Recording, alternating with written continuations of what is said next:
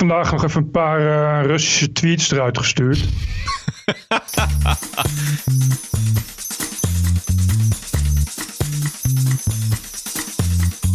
This is the TPO podcast. Ranting and Reason. With Bert Brussen and Roderick Phalo. Een Russisch trollenleger bedreigt de Nederlandse rechtsorde. De nieuwe burgemeesteres is begonnen. Een beetje plechtig voelt het. En ook wel indrukwekkend, vind ik het. Trump houdt de NAVO bij elkaar. Ja, yeah, very, very unified, very strong, no problem. Bannon in Britain en de bonusquote gaat over diversiteit. Gaan jullie ook, zeg maar, uh, een heel breed palet laten zien van alle mensen die hier zijn? Aflevering nummer 76. This is the TPO podcast. Bert Brussen, ik ben om. Oh ja, om wat? Het is een ongelooflijk voorrecht om Amsterdam en zijn inwoners als burgemeester te mogen dienen. Ik ga mijn best doen.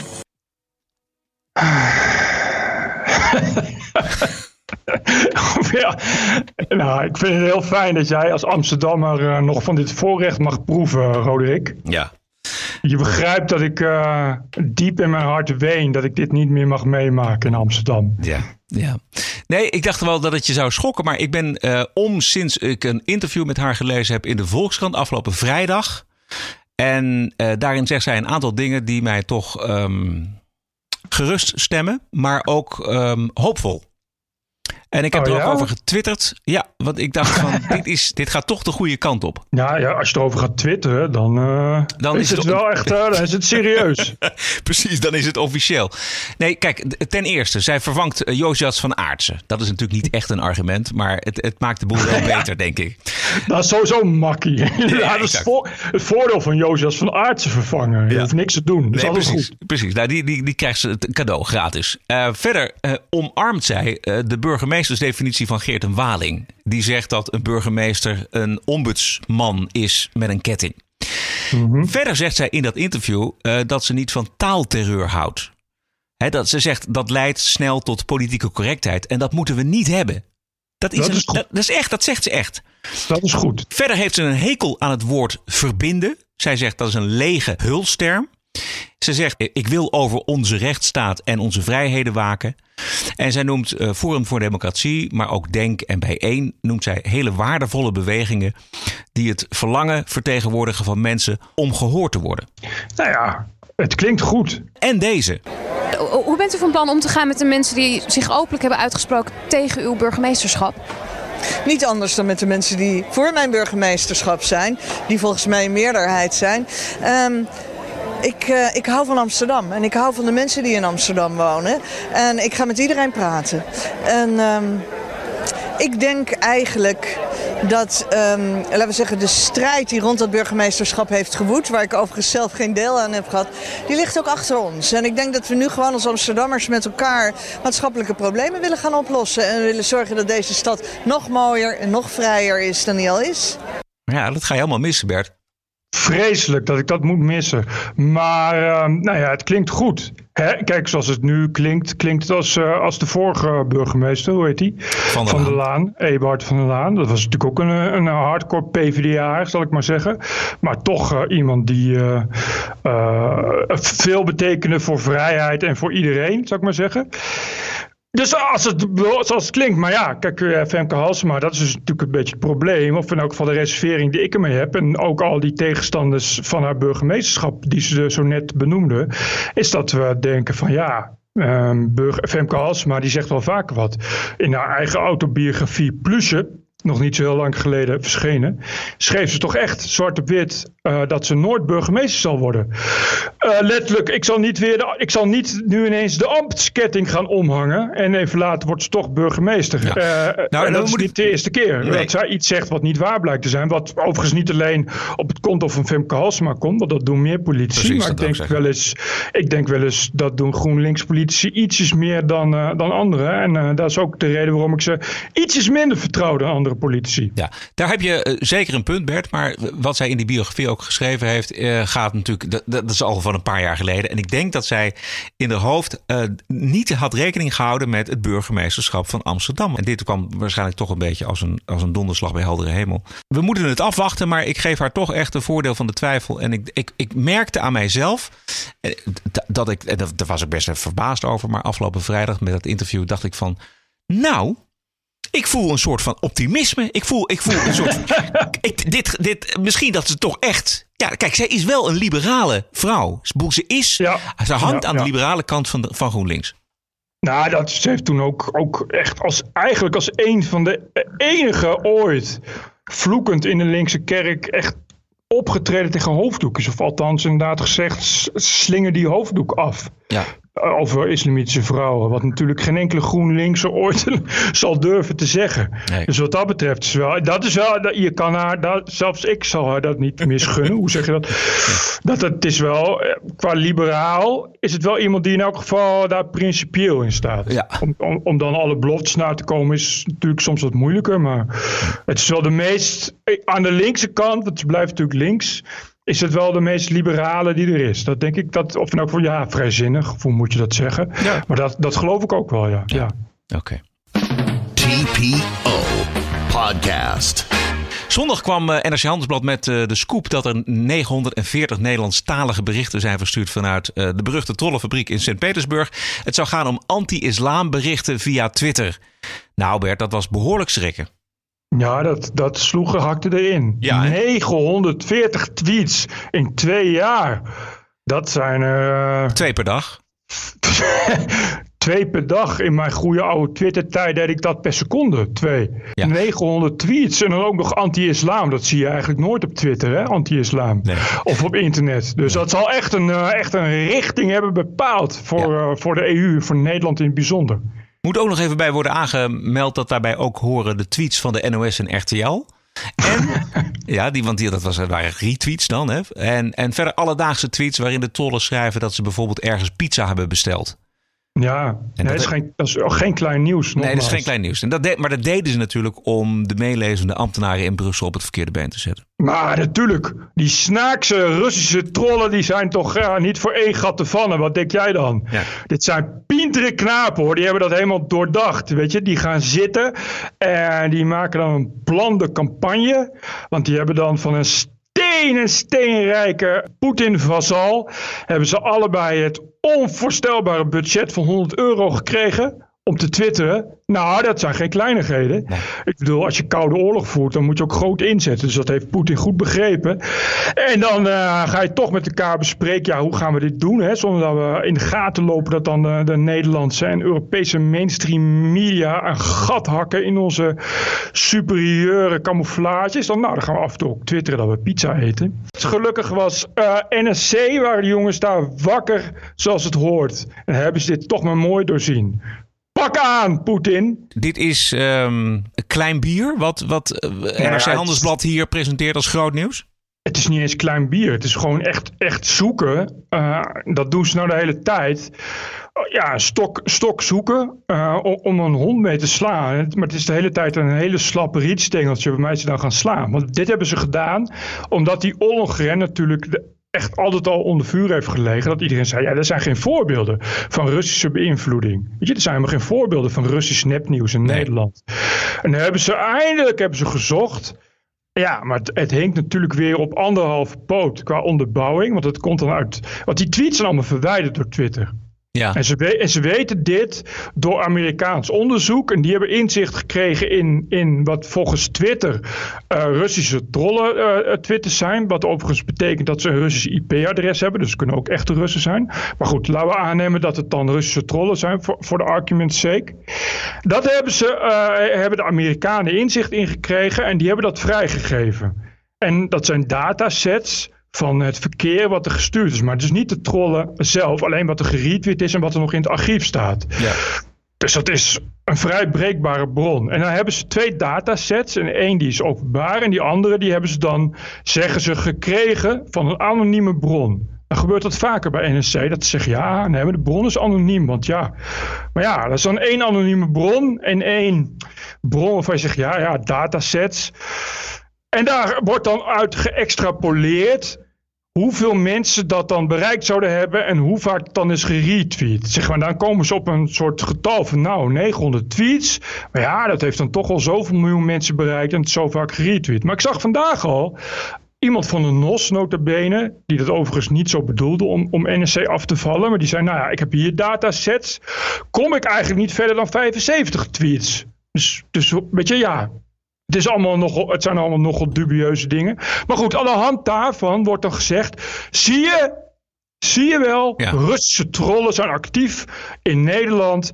En proberen de boel te beïnvloeden. Dus de, eh, dat, dat is, het zijn verstrekkende gevolgen die ze eraan binden. Ze, ze hebben ook letterlijk in het stuk geschreven. eh, van nou, dat is dus. Ollongren had toch gelijk. Want haar werd de hele tijd voorgehouden dat er geen bewijs is. Nu is er dus eindelijk bewijs. Ja. En wat ze ook nog eens een keer doen. Ik ben nog niet klaar. Ja. Wat ze ook nog eens een keer doen. eh, is dus daaruit ook de conclusie trekken dat die Russische actrollen eh, actief de maatschappij destabiliseren. Want, zeggen ze, ja, die tweets worden nou wel niet door heel Nederland gelezen. Maar op deze manier begeven die trollen zich in de Nederlandse culture wars. Zo noemt, zo noemt NSC dat. En dan zeggen ze ja, en dat, dat, dat is een rechts en uiterst rechts discours. Waarin, nou, dat gaat dan over islamofobie en anti-EU en kritiek op de multiculturele samenleving, kritiek, kritiek op de immigratie. En dat heet dan culture wars. Als je dus in het NSC een column schrijft wat per definitie veel meer mensen bereikt en veel meer invloed heeft. En in die column zeg je eh, dat, ik noem eens wat, eh, Thierry Baudet een, een, eigenlijk een verknipte neonazi is. Dan heet dat opinie en debat. Maar als je een paar tweets verstuurt met daarin niet eens een hele rare islamkritiek vlak na de aanslag in Brussel, dan heet dat je begeven in culture wars. Nou, is dat nou propaganda of hoe moet ik dat zien? Weet je, dat is toch geen zuivere journalistiek? Je kan het dan toch geen zuivere, zuivere eh, koffie noemen. En zuivere journalistiek is ook een eenzijdig artikel. Waarin ook, ook alleen maar een conclusie wordt getrokken uit het feit. eh, dan wie dan retweet. En dan krijg je weer ja, wie Duk en Joost Niemuller. En dan is dan de gevolgtrekking. Zie je wel dat die, invloed, dat die Russen invloed hebben? Ja, en het is duidelijk dat er iets wordt geprobeerd om neer te zetten. Ik vond het echt een beetje, ja, ja, ik vond toch een beetje. eh, We hebben de daden van de Rijksdag gebrand en hij heet Marinus van der Lubbe. Dus laten we de vijandelijkheden tegen de, tegen de communisten nu maar gewoon opvoeren. Daar, het heeft alle schijn van heksjacht. Dat heb ik al vaker gezegd, dat zeg ik nu weer. Eigenlijk zou het nieuws zijn dat het Russische trollenfabriek aan Nederland voorbij gaat. Nieuws moet zijn dat de Russen kennelijk niet zo heel goed zijn in, in digitale oorlog voeren. Want ze komen niet verder dan 900 tweets in twee jaar tijd. En, da- en daar heb je dan dus een hele fabriek voor. Het heet ook fabriek, hè? Dat is ook, eh, dan moet je ook, dan, kennelijk moet je dan ook denken van, jongen, dat is echt, daar zitten dan Ja, honderden dat- mensen. Pijpen, pijpen met, met, met rook eruit. Ja, precies. Het is echt. Magnitogorsk 2 is daar waar, waar, waar vereende krachten alles op alles zetten om de EU stuk te maken. En wat komt eruit? Weet je, tweets. Er zijn dus tien mensen die dat lezen. Dat zijn dan ook nog mensen in de eigen bubbel. Dat is ook nog zoiets. Dan, dan, dan twitter je dus allemaal anti- anti-islam tweets. Nou, wie lezen dat? Nou, de mensen uit de anti-islam bubbel. Ja. Nou, dat zal invloed hebben, zeg. Ja, en ze, zou- ze hadden er zelf ook wel achter kunnen komen. Want het NRC Handelsblad heeft 200.000 tweets van trollen onderzocht. En 900 daarvan zijn voor Nederland bestemd. Dat is minder dan een half procent. Fascinerend, toch? Ja. Maar, en, en dan gaan ze met de bevindingen natuurlijk naar Ollongren. En die zegt dan: ongewenste buitenlandse inmenging raakt het fundament van de Nederlandse democratische rechtsorde en onze open samenleving. En dus volstrekt onwenselijk. Laat- Exact. Ja. Dit hebben ze de hele tijd geroepen, maar dan zonder bewijzen. Maar gelukkig hebben ze daar als trouwe vazal de kwaliteitsjournalistiek van NRC Handelsblad. Als je als Ollogren bent, of, of voor mijn part eh, Sibrand Haarsma van het CDA. En als je roept, onze samenleving wordt ondermijnd door Russen, dan weet je... Mijn trouwe vrienden van NSC komen uiteindelijk wel, al dan niet, met een voorbeeld van er zijn wel degelijk Ja. massavernietigingswapens in Irak. En in Irak worden de baby's uit couveuses gesleept en op de grond gegooid door de bezetters. Snel, laten we ingrijpen. Ik bedoel, ja, het, het is echt, het zijn ook de hele tijd voorbeelden van uh, uh, circumstantial evidence based on circumstantial evidence based on somebody who knew somebody who has circumstantial evidence. And that is enough to, you know, to blame them. Je, het is, de, het is de hele tijd, we hebben iemand die iets retweet, nou zie je wel invloed. Ja. Ja, het zijn grote schoolbrengers, de jongens van NSC, kan niet anders zeggen. Gisteravond, eh, na de WK-finale tussen Frankrijk en Kroatië, was het uh, tijd voor het WK-feest vieren. Uh, dat werd overigens ruim gewonnen door de Fransen, of wie dat verkregen staatsburgerschap zo kan waarderen. Dit is het slopen van een auto. Maar er werd ook geplunderd. En er was een veldslag met de oproerpolitie. Terwijl in Zagreb de fans en de verliezers van de voetbalfinale maar gebroedelijk bij elkaar stonden. RTL had het in het begin over relletjes, maar corrigeerde dat later. En de NOS hield het heel lang bij opstootjes. Raddraaiers en oproerkraaiers. Dat is, dat is echt onvoorstelbaar. Ik vond het echt fascinerend dat je dus uh, de Kroaten die verliezen dus het WK. Er is gewoon niks aan de hand. Hebben gewoon de hele avond gezellig feest gevierd. En de Fransen winnen het WK. En die hebben plunderingen en rellen. En ook niet alleen in Parijs. Hè. Het waren echt meerdere steden in Ja. Frankrijk. Ja. Mars- Marseille en alle bekende beruchte steden was het weer bal. En ik zag een hoop filmpjes ook online. Dat loog er niet om. Ik geloof dat er in één avond echt bijna duizend auto's in de fik zijn gegaan. En je zag er ook... eh, nou, eh, laten we zeggen, het was ook een multicultureel feestje, zo te zien op de video's. Dus er werden met eh, veel plezier, zag ik mannen, vooral mannen, mannen van kleur. Maar er zitten waarschijnlijk ook wel homoseksuele mannen van kleur tussen, dus zo erg is het ook allemaal niet. Die eh, plunderden scooterzaken en drankwinkels en warenhuizen. Ja, ik, denk dat, eh, ik denk dat dat ook allemaal gewoon Russisch nepnieuws is. Ja. Want het is gewoon niks aan de hand. Dus het is gewoon Ja. feest in Parijs. Ja. De beelden die jij beschrijft, die werden ook goed beschreven door een Nieuw-Zeelandse journalist die eh, met camera en al boven eh, op een balkon stond en die een mooi uitzicht had op het een en ander. The crowds that came here to celebrate their World Cup win have turned into a rioting mob. We can hear shop windows being smashed. People are out there with bottles, throwing them at cars, attacking vans with equipment in them, stealing bikes. And there are police trying to break up the attacks with tear gas. So people are covering up their faces to hide themselves from the gas. It really is absolute carnage on the streets right now. Making life very, very difficult for emergency services. Dit zijn toch geen opstootjes en al eh, ook geen relletjes. Iemand die twitterde, eh, ik ben nu moe, maar die berichten over de rellen in Parijs die schijnen een beetje nep te zijn. En aangejaagd door extreemrechtse nepnieuws websites. Ja. Mor- morgen kijk ik wel wat er precies aan de hand was. Ik vind het een hele, hele intrigerende reactie die je net voorleest. Dit is dus hoe het gaat. Dit is dus de bedoeling. Weet je, je mag dus, je mag dit verslag mag je eigenlijk niet meer doen. Nee. Want dat is, dat is extreem rechts nepnieuws. Want het moet per se goed gaan. Dus moet het worden gedownplayed. Terwijl het, het staat gewoon in serieuze Franse media. Ja. Dus het is, die, die realiteit is, is gewoon, eh, gewoon niet meer te accepteren. Dus moeten we er nu maar iets anders van spinnen. Een paar tweets moeten we nu invloedrijker vinden voor de destabilisering van de EU dan de, de werkelijke feiten die er gaande zijn in Frankrijk. Ja. En het eh, onderdrukken van die feiten. Want wat de tweet die ik net voorlas, dat is precies de kern waar het om gaat volgens mij. Ja. En dat is waarom ook, ook Ja. de NOS en waarom eh, RTL voorzichtig is, laten we het zo zeggen, voorzichtig is met berichtgeving daarover.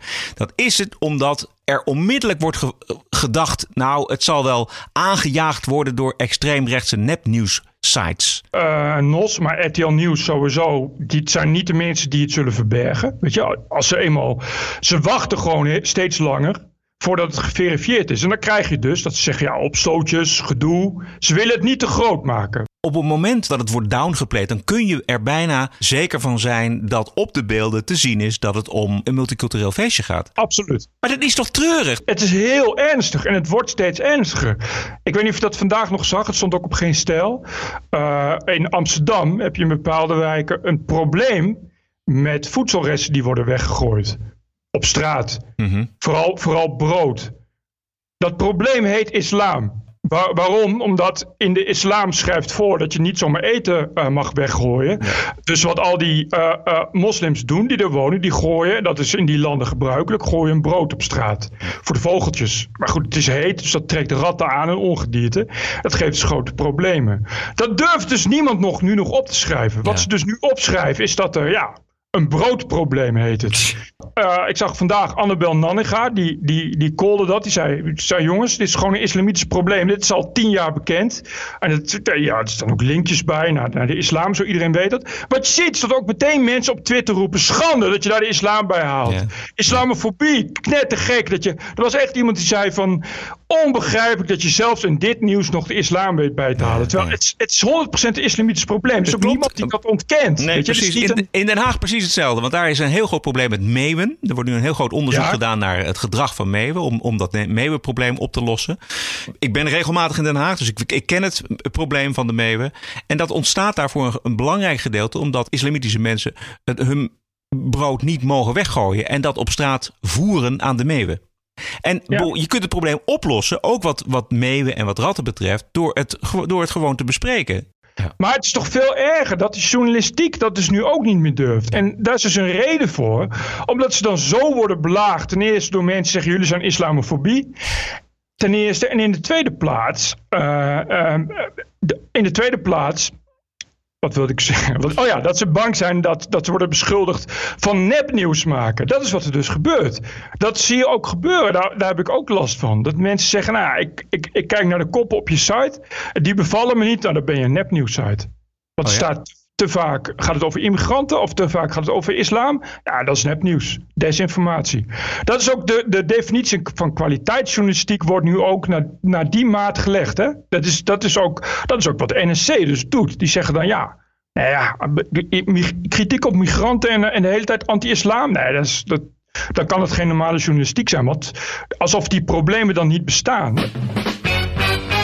This is the TPO podcast. We gaan het over Trump hebben. Want vandaag, maandag, is de Amerikaanse president nog even in Europa. Eh, nou, dat hebben we eh, geweten de afgelopen dagen. Hij is vandaag met Poetin in Helsinki. Maar we gaan nog eventjes terug naar de NAVO-top in Brussel.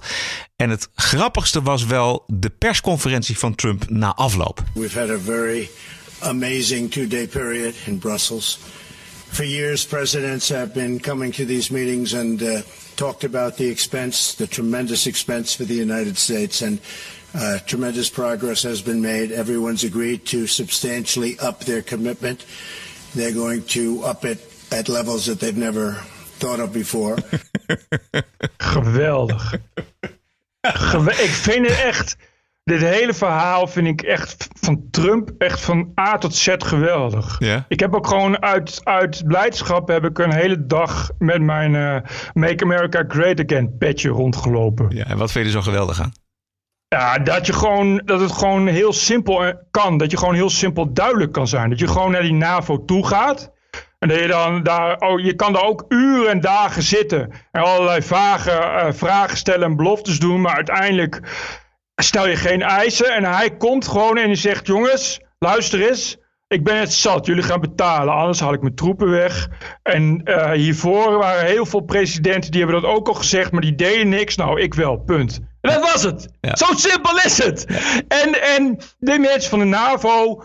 Die zitten gewoon drie dagen lang met wit weggetrokken smoelen, met open monden zitten ze nog te staren. Van wat is hier ons eigenlijk overkomen? Dit zijn we helemaal niet gewend. Totaal ondiplomatiek, maar hij is wel hartstikke duidelijk. En dat, het grappige is dat de Europese leiders dat helemaal niet verwachten. Want ze hebben namelijk al twintig jaar houden ze rekening met een Amerika wat ja, sowieso, eh, hoeveel Europa ook betaalt, gewoon instaat voor de veiligheid van Europa. Maar ik vond vooral heel grappig die persconferentie. Onder andere eh, was er een vraag van The Guardian, eh, ging over Groot-Brittannië. McCaskill from The Guardian. Um, your trip to the UK. Uh, there are lots of protests planned in London and elsewhere. How do you feel to, about that? I think it's fine. I mean, I think they like me a lot in the UK. I think they agree with me on immigration. I'm very strong on immigration. I, I made a point today. I said, you've got to stop. You're ruining your, you're going to have a lot of problems. You see what's going on throughout the world with immigration. I probably, at least partially, won an election because of immigration. If you look at Italy, Giuseppe who I got to know quite well over the last month and a half. He won his election because of strong immigration policies on Italy. I think that uh, a lot of the people in the UK, I think that's why Brexit happened. Now, I don't know what's going on with the negotiation, who knows, but and I guess that's become a very interesting point of contention. I said I'm going to a few hotspots. We have NATO, then we have the UK, and then we have Putin. And I said, Putin may be the easiest of them all. Een baas. Er ook een vraag gesteld over zijn ontmoeting met Poetin. Yeah, Jonathan Beale from BBC. I just, just wonder, you think you're going to get along with President Putin at that meeting? Could you just tell us, why do you think that? Is there something you admire about him? And the second question, because you're just about to go to the UK. Well, he's a competitor. He's been very nice to me the times I've met him. I've been nice to him. He's a competitor. You know, somebody was saying, is he an enemy? No, he's not my enemy. Is he a friend? No, I don't know him well enough. But the couple of times that I've gotten to meet him, we got along very well. You saw that. Um, I hope we get along well. I think we get along well. Uh, but ultimately, he's a competitor. He's representing Russia. I'm representing the United States. So, in a sense, we're competitors. Not a question of friend or enemy. He's not my enemy. And hopefully someday maybe he'll be a friend. It could happen. But I don't I just don't know him very well. I've met him a couple of times and when I did meet him most of you people were there. Yes. And Brexit, sorry. Ja, dit, is, dit is echt zijn approach. Dit is de manier waarop hij het wereldtoneel benadert. Weet je wel? Yes. Niemand Yes. is per se een vriend of een vijand. Hij- zal ongetwijfeld vriendschappen voelen voor, voor Europa. Maar en dan het is een open gesprek. Nou. Ik vind dat fascinerend. En hij is ook, wat je zegt, eh, hij is ongetwijfeld eh, bood, eh, vriendschap voelen voor Europa. Dat doet hij ook. Maar ook voor anderen. En hij is niet per se, eh, en dat is dus, dus de grote breuk met zijn voorgangers. Hè, dan was het echt Amerika, Europa en dan allemaal tegen Rusland.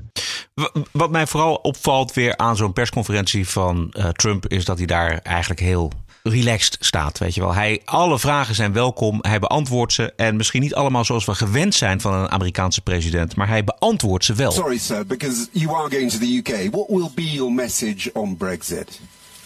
Well, Brexit is, uh, you know, I've been reading a lot about Brexit over the last couple of days, and it seems to be turning a little bit differently, where they're getting at least partially involved back with the uh, European Union. Uh, I have no message. It's not for me to say.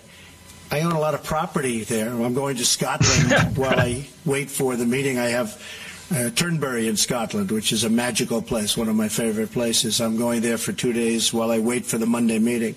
Uh, but it's, it's not for me to say what they should be doing in the UK. I have great friendships. My mother was born in Scotland. Uh, I have great friendships over there. We have a wonderful ambassador, Woody Johnson. Ja, en dan, dan zegt dus eh, het commentaar eh, van het journaal van de eh, mainstream media, die zegt dan, oh, Trump gaat zijn gedachten gaan van hot naar haar en hij kan helemaal geen lijn houden en hij, hij, hij ratelt maar wat. And by the way, Woody's doing a great job. But it's it's not for me to say. I'd like to see him be able to work it out so it could go quickly, whatever they work out. Is it heartbreaking? Oh, hard Brexit. I thought you said it was heartbreaking. I said that might be going a little bit too far. Right? Heartbreaking. Ja, en dan op Twitter komen er eh, commentaren van, oh, wat is dit toch een domme man, want eh, hij hoort Oh, niet eens ja. het verschil tussen heartbreaking en hard Dat is dan kennelijk journalistiek. Dat je niet verder komt dan dat soort nuffig, lullig commentaar. Weet je, het is één keer leuk. Het is natuurlijk heel grappig dat je leuke feitjes kunt vertellen over, eh, over eh, de president. Alsof er niks meer te vertellen is. Ja, hij, loopt voor de koningin en keert zijn rug toe. Nou, dat zou ten eerste tijd worden na, eh, na 10.000 jaar eh, Britse monarchie. En in de tweede plaats heeft hij ook nog heel veel andere dingen gedaan. Behalve die ene seconde dat hij die koningin voor de voeten loopt. Weet je? En eh, ja, misschien kun je het daarover hebben. Misschien kun je erover hebben wat de, eigenlijk de inhoud is, is van zijn onderhandelingen. En misschien kun je nog reflecteren op wat zijn vorige onderhandelingen waren. Ik noem maar eens Noord-Korea. En eh, hoe succesvol dat was. Misschien kan het ook wel weer eens heel succesvol zijn. En misschien ook wel eh, met Poetin. En dat is wel een beetje het rafeltje waar hij natuurlijk de hele tijd aan trekt. Is dat toch wel een beetje duidelijk wordt dat we ook wel heel graag kennelijk allemaal vijandbeelden willen. En als je daar niet aan voldoet en blijkt dat het toch nog wel iets anders is, dan worden we ineens een beetje zenuwachtig. Ja. Eh, eh, straks blijkt dat Trump en Poetin hele goede afspraken kunnen maken en makkelijk door één deur kunnen. En dan worden we, ja, hebben we eigenlijk helemaal niet. We willen liever willen we een, een, een, een, ja, een, een gedemoniseerd beeld. Terwijl ja, die wereldvrede schiet volgens mij nog sneller op met Trump dan met al die, al die zijnlijn boerroepers die bij alles wat Trump doet uh, nog maar eens wijzen op wat een verschrikkelijk gemeen fascisten en racist het allemaal wel niet is. Nog even terug naar uh, de manier hoe hij onderhandelt. Trump die adviseerde mee uh, de Europese Unie gewoon aan te klagen. He told me I should sue the EU. Sue the EU. Sue the EU. Not go into negotiations, sue them. Actually, no, no. Did we're going into think about that we're for going a second. We're going into negotiations with them. But interestingly, what the president also said at that press conference was, "Don't walk away. Yeah. Don't walk away from the negotiations you'll be because then you're stuck." Stuck." Ja, dit is dus typerend. Dus je moet blijven onderhandelen. Want dat is namelijk hè, de art of a deal. Dat, dat boek heeft hij niet voor niks. eh, Het gaat over Trump. Eh, dus je moet blijven onderhandelen. Maar je moet ook druk uitoefenen. Dat is precies wat hij gedaan heeft bij de NAVO-landen. Die al twintig jaar niet eh, aan hun verplichtingen voldoen. Hard inzetten. En kijken wat eruit komt. Dat is Trump. Nou, en dat is nou dus precies, vind ik, en vinden de meeste mensen, geloof ik, dat is wat leiderschap is. En dat is nou precies waar het, waar het misgaat in die EU-samenleving in de hele tijd. Dat je op het moment dat je moet drukken en dat je soms moet doordrukken en dat je druk moet uitoefenen en dat je eh, ook stevig moet optreden en gewoon heel duidelijk moet zijn, dan lukt dat gewoon niet. Dan durven we dat gewoon niet. En dan blijven we hangen in volg taalgebruik en in decorum en in protocollen. En zijn we bang dat anders de pers misschien wel iets zegt over de kleur schoenen die we dragen. Of de manier waarop we vragen beantwoorden. Dus laten we dat dan maar niet doen. Dat is waarom die, die, die vluchtelingencrisis dus weer de kop opsteekt. Ja. Omdat we dat niet hardop durven zeggen. Zeggen ja, maar ja, dan gaat het misschien wel mis. Ja, dat zou kunnen. Maar dat moet dan maar. Nou, symbolisch was eh, natuurlijk eh, eh, de zalkende leiding van de Europese Unie in de figuur van Jean-Claude Juncker. het is, het is publiekelijk bekend dat Juncker een flink kan raken. Ehm, maar daar mag je niet over speculeren op Twitter, want dan heb je de feiten niet paraat. Ik kreeg dat verwijt. Ja, en, en, en, ja. ook, en ook Diederik Smit kreeg dat verwijt en een aantal andere Ja. mensen. En degene die zich het felst keerde tegen de ongecheckte dronkenschap van Juncker, dat waren heel gek ook weer de grootste fans van de Europese Unie. Nou ja, Ja, heel gek. wat raar. Ja, heel raar. Hoe het precies zit met die rug van Jonker, dat zullen we waarschijnlijk nooit eh, weten. Maar ik heb eh, eigenlijk geen moment, eh, Bert, ik weet niet of jij dat gezien hebt, maar ik heb geen moment pijn gezien in het gezicht van Jonker. Nee, ik vind ook. eh, eh, eh, het, het wordt ook gefocust op dat hij bijna van zijn benen viel. Omdat hij een podium op wilde klimmen. En dat zou je kunnen relateren aan rugpijn, inderdaad. Maar als je het hele filmpje ziet, dan is er nog meer. En het punt is dat er nog veel meer filmpjes zijn. Waarin Juncker. Nou. Toch wel heel raar gedrag vertoont. Wat helemaal niets met rugpijn heeft te maken. Maar eerder met ofwel dementie ofwel Korsakoff. En het laatste wordt veroorzaakt door te veel alcohol. Ja. Ik bedoel, eh, weet je, het, is, het, het wordt meteen ook, daar, eh, ook meteen toegedekt en weggehaald. En oei, oei, oei, we mogen daar niet aan twijfelen. Er zijn echt zoveel voorbeelden in overvloed. En volgens mij was het zelfs ook inderdaad al de Volkskrant die, die daar als een, een, een inside verslag over had geschreven. Dat Rusland, Ja. of dat Juncker inderdaad, ik geloof heel Groot-Brittannië wilde weggeven, of wat was het? Eh, in een dronken bui daar inderdaad dingen deed waarvan andere mensen moesten zeggen: nee, nee, nee, nee, nee, dit bedoelt hij niet zo. Dit was een grapje. Vrijdag beantwoordde premier Rutte in de zon achter zijn laptop een paar vragen. En de meest gestelde vraag was. Wat was er nou precies aan de hand met Jonker? Nou, eh, ik weet dat Jonker een probleem heeft met zijn, eh, met zijn rug. Eh, hij eh, eh, kwam van dat podiumpje waar we de groepsfoto, de familiefoto heet dat, genomen hadden. En we hebben hem een beetje ondersteund, zodat hij ook gewoon mee kon doen aan het diner met Trump. Althans, wat we met z'n allen hadden. Hij was er ook bij. Hij zegt dus, Jonker, dat hoor ik nu pas. Hij zegt, "Jo- ik weet dat Jonker een rugprobleem heeft. Maar dat, hij zegt niet, de verschijnselen die we gezien hebben hadden te maken met dat rugprobleem. Dus heeft een serieus rugprobleem. Eh, en eh, dat heeft hij al een tijdje, eh, wordt hij ook voor behandeld. Eh, en verder, eh, ja, heb ik ook tegen de pers gezegd, moeten we dat vooral bij de Europese Commissie vragen. Het komt niet bij mij. Ga Dus, vragen bij de Europese Commissie. Hij doet iets, inderdaad iets heel diplomatieks, namelijk de vraag omzeilen. En dat doe je alleen als je al weet dat het antwoord niet zo heel positief is, volgens mij. Ja. Podcast.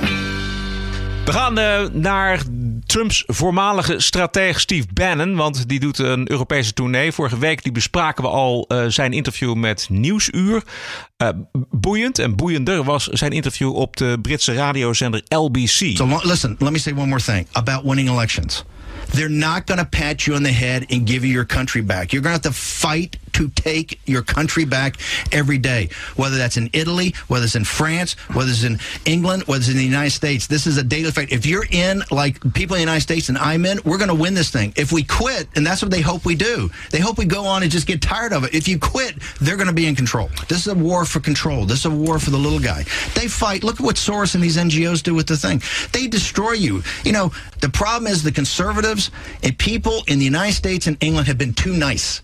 It's time to, st- and that's what I love about Trump. Trump is in your grill from the beginning, and he's not going to back off. And that, that's why you can't. If you're going to back off, they're going to win. Twee uur lang bij Nigel Farage en een politieke redacteur van LBC. Uh, waar hij overigens na de uitzending ook nog slaande ruzie mee kreeg. Ook in termen, ja, ook in termen als how dare you en zo. Dat is nogal agressief. Zoals we ook hebben gezien bij Elko Bos van Roosentaal. Ja. Heb je toevallig het interview uh, gezien of gehoord? Nee, ik, okay. ik, wist niet eens wat het was, maar okay. het klinkt geweldig. Nou, hier is een uh, samenvatting door de LBC-presentator Majid Nawaz. Okay, so let me summarize very quickly for you. What I've said is that I heard, what I heard in Steve Bannon's own words is him calling openly, going further than many of the people that would be associated with his message, at least in Britain, do at the moment. Steve Bannon openly calling for a right-wing populist revolution. I happen to know with my own studies and following his work mm. that he's doing that currently around Europe. He's going around giving advice to the um, far right party in Germany, AFD, the Alternative for Deutschland. Uh, he's delighted that the populists won in Italy. He's in, been in Hungary uh, with the prime minister there, giving him personal advice, the very far right and extreme prime minister of Hungary.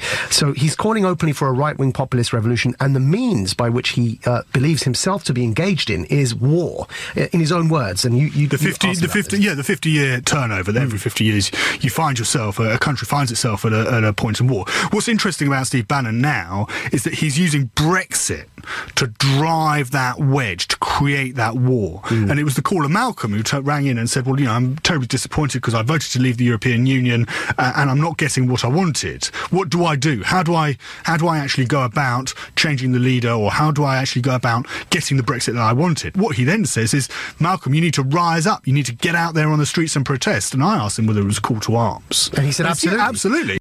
Ja, a call to arms. Uh, ja, dit is niet, geen kattenpis, jongen. Uh, oh. Dit is echt de, de wapens opnemen. Dit, is, uh, dit wist ik niet ja. van uh, Steve Bannon. Ja, dit wist ik ook niet. Maar... Ik dacht namelijk gewoon, ja, weet je, dat, dat, dat, ja, dat verhaal van die revolutie ken ik natuurlijk wel. Maar ja, Populist Revolt is toch allemaal stemmen op populistische partijen. Maar ja. ja. Nee, dit met, is, met dit wapens is straat op gaan. Ja, ja hij is, volgens mij is hij daar inderdaad toe, toe bereid. Bannon die gelooft, dat kwam ook in dat interview naar buiten, gelooft heilig in de theorie van uh, William Strauss en Neil Ho. Ik weet niet of je dat boek kent. Mm. Um, de, de Fourth Turning. Uh, die hebben het dus over de cycli van de geschiedenis. The mm -hmm. high, the awakening, the unraveling en the crisis. En mm -hmm. volgens Bannon zit, zitten we nu in de crisis. En daarin wordt afgerekend met al het voorgaande. Uh, daar gelooft hij heilig in. En dat zal gebeuren met verzet en met revolutie.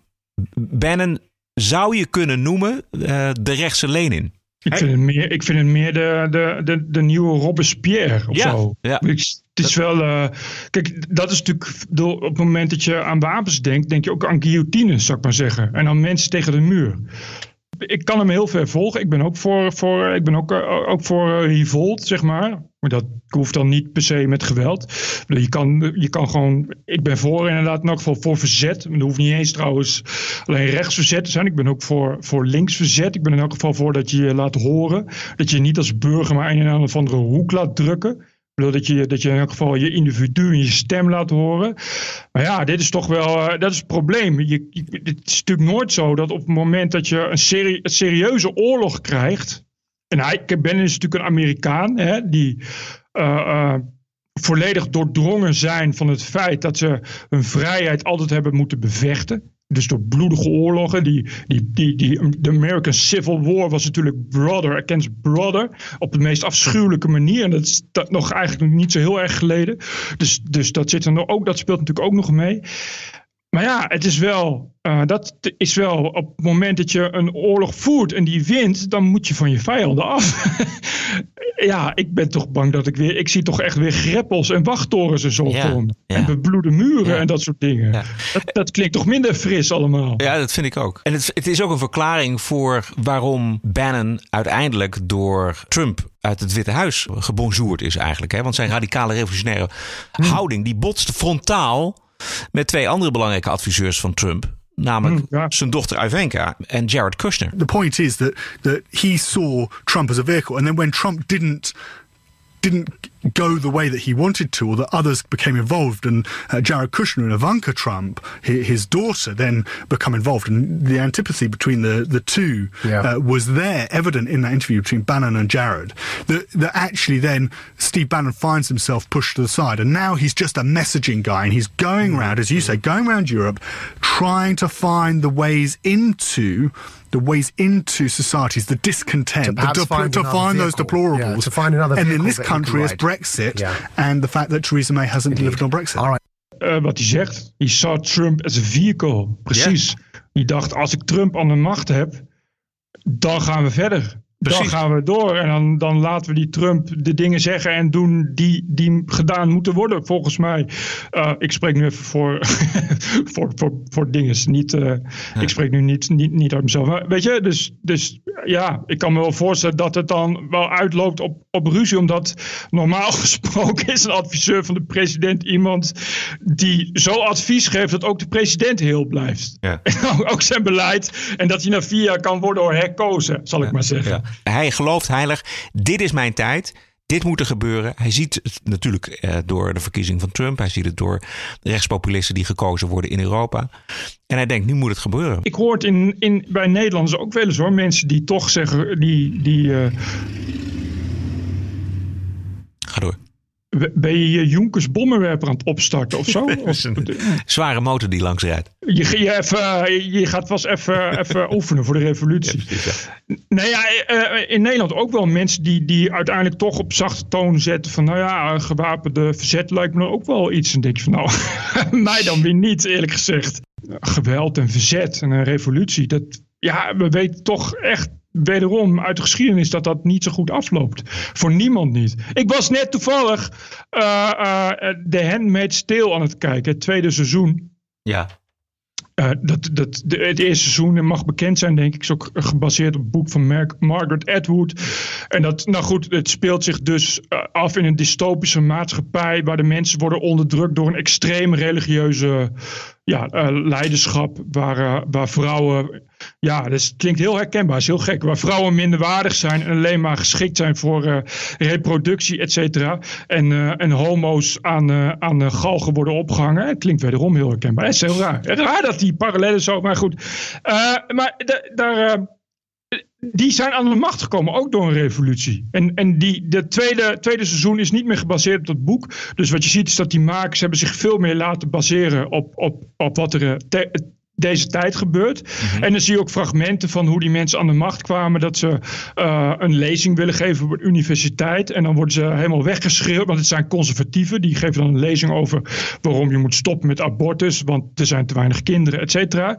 En die worden dan weggeschreeuwd door social justice warriors. Hè, die dan allemaal ook bordjes eh, omhoog houden met neonazies, et cetera, et cetera. En ja, daardoor komt komen ze juist extra aan de macht. Want dan vertellen ze hun verhaal en dan wordt die macht van hun verhaal, de, van hun medestanders, wordt juist steeds groter. Omdat die mensen zien dat ze nergens welkom zijn. En dus zeggen ze van ja, zie je, we zijn de underdog, et cetera.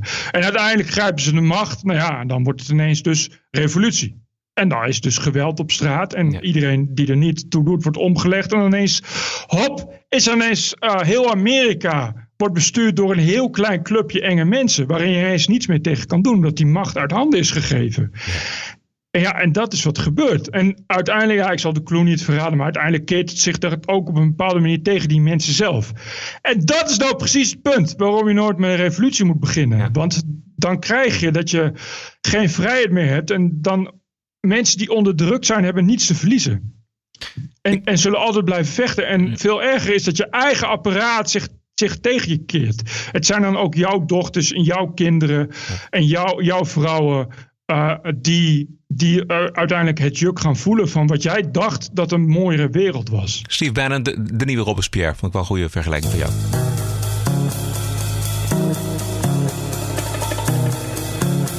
TPO Podcast.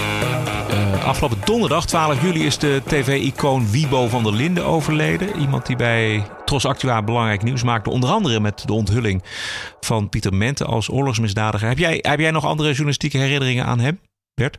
Het enige journalistieke herinnering die aan, ik aan hem heb is zijn dochter Heidske van der Linden. Oh ja. en, en, natuurlijk Kai van der Linden, die ja. bekend werd als spindokter. Ja. Maar ik heb dat Wibo, uh, ja, ik ken hem echt als, als cultnaam. Maar ik heb dat nooit, uh, nooit echt, echt bewust meegekregen. Oké, nou, ik, ik, heb dan wel thuis veel Wibo van der Linden ge, gezien. En ik moet zeggen dat het altijd een. Uh, ja, ik, ik vond het altijd iemand die. Uh, andere dingen zei dan gebruikelijk waren in de jaren 70 en 80. Uh, dat was echt uh, Tros Activa. Um, ik heb hem zelfs nog een keer ontmoet en ook een keer uitgenodigd voor Dunk bij RTL. dat heeft hij toen niet gedaan. Oh ja. Maar het was, het was wel in ieder geval een hele serieuze journalist. 14 jaar geleden zat hij aan tafel bij Ivonie. Even een heel klein stukje. Actua werd destijds gezien als de stem van rechts Nederland. Hè? Was je daar blij mee? Uh, nee, maar uh, bij mij is het altijd zo geweest... en ook bij de ploeg waarmee ik werkte... zolang je zelf weet dat je zuiver bent... dan kunnen ze zeggen wat ze willen. Ja, maar was je rechts of niet? Ik geloof van niet, nee. Maar dat is altijd aan anderen te bepalen. Ik herinner dat er een speech van Mintjan Faber was ooit... Hè, de hoofdman van het IKV in Den Haag... voor tienduizenden mensen. Dat was een vredesdemonstratie en die sprak toen de legendarische woorden. Ook maar, ook maar even een, uh, een bedankje aan Wibo van der Linden...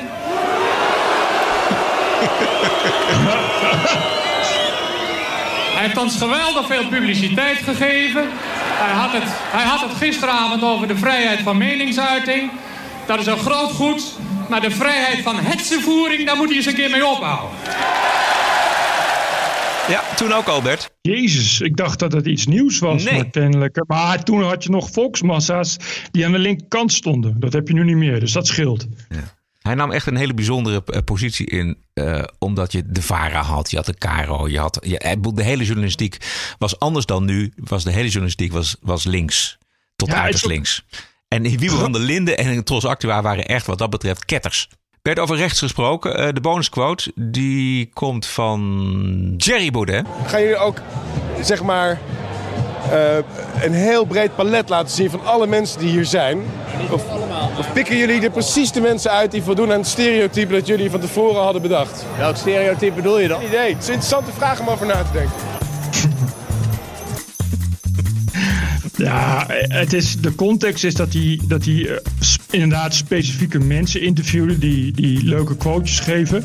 Ik weet dat hij, uh, dat hij niet drinkt, op dat moment in elk geval helemaal niet. Dat hij daar juist heel nuchter in is. Maar ik begrijp, as a matter of fact, heb ik gehoord dat hij ook op dat moment wel echt heel overspannen moe was. Dus, dus ja, dan kom je een beetje, beetje, beetje raar over natuurlijk. Het was ook een beetje oud. Ik begin niet, het was al twee weken oud. Ja, klopt, ja. Waarom, waarom, waarom Schijnemaakers dat nou ineens online nou, hij zei tegen mij, uh, hij had het nog en hij kon het niet in zijn gewone verhaal kwijt. Uh, hè, dus hij is ook gewoon eerlijk en zei van, nou ja, weet je, het was meer een incidentje. Maar blijkbaar bij het terugkijken van het materiaal wat hij nog had, kwam hij dit tegen en dacht van, nou, het is misschien toch wel grappig voor uh, op Twitter, de Twitters. Oh ja, oké. Okay, okay. ja, goed. Hadden wij gedaan ik, misschien. Ik moet, wel, ik moet wel, ik blijf erbij dat ik het wel mooi vind dat Thierry dit gewoon allemaal zo doet. Weet je, net als Trump is gewoon, gewoon je hart laten spreken. Ja, dat gaat dus ook wel eens mis. Maar ja, hij doet het wel. Oké. Okay. Dit was uh, aflevering 76. We zijn er weer dinsdagmiddag 24 juli. Vergeet niet te stemmen voor de Online Radio Awards. ga naar onlineradioawards.nl, klik op uh, podcast en ga naar de T en klik meteen op direct stemmen en kies voor TPO Podcast. Wilt u nog een uh, financiële ondersteuning geven? Dat kan natuurlijk. Dat wordt zeer gewaardeerd. Ga naar tpo.nl slash podcast. Daar kunt u doneren ter ondersteuning van dit geluid. We zijn terug dinsdag 24 juli dus. Heb een mooie week en tot de volgende. TPO Podcast. Bert Bruson, Roderick Balo, Ranting and Reason.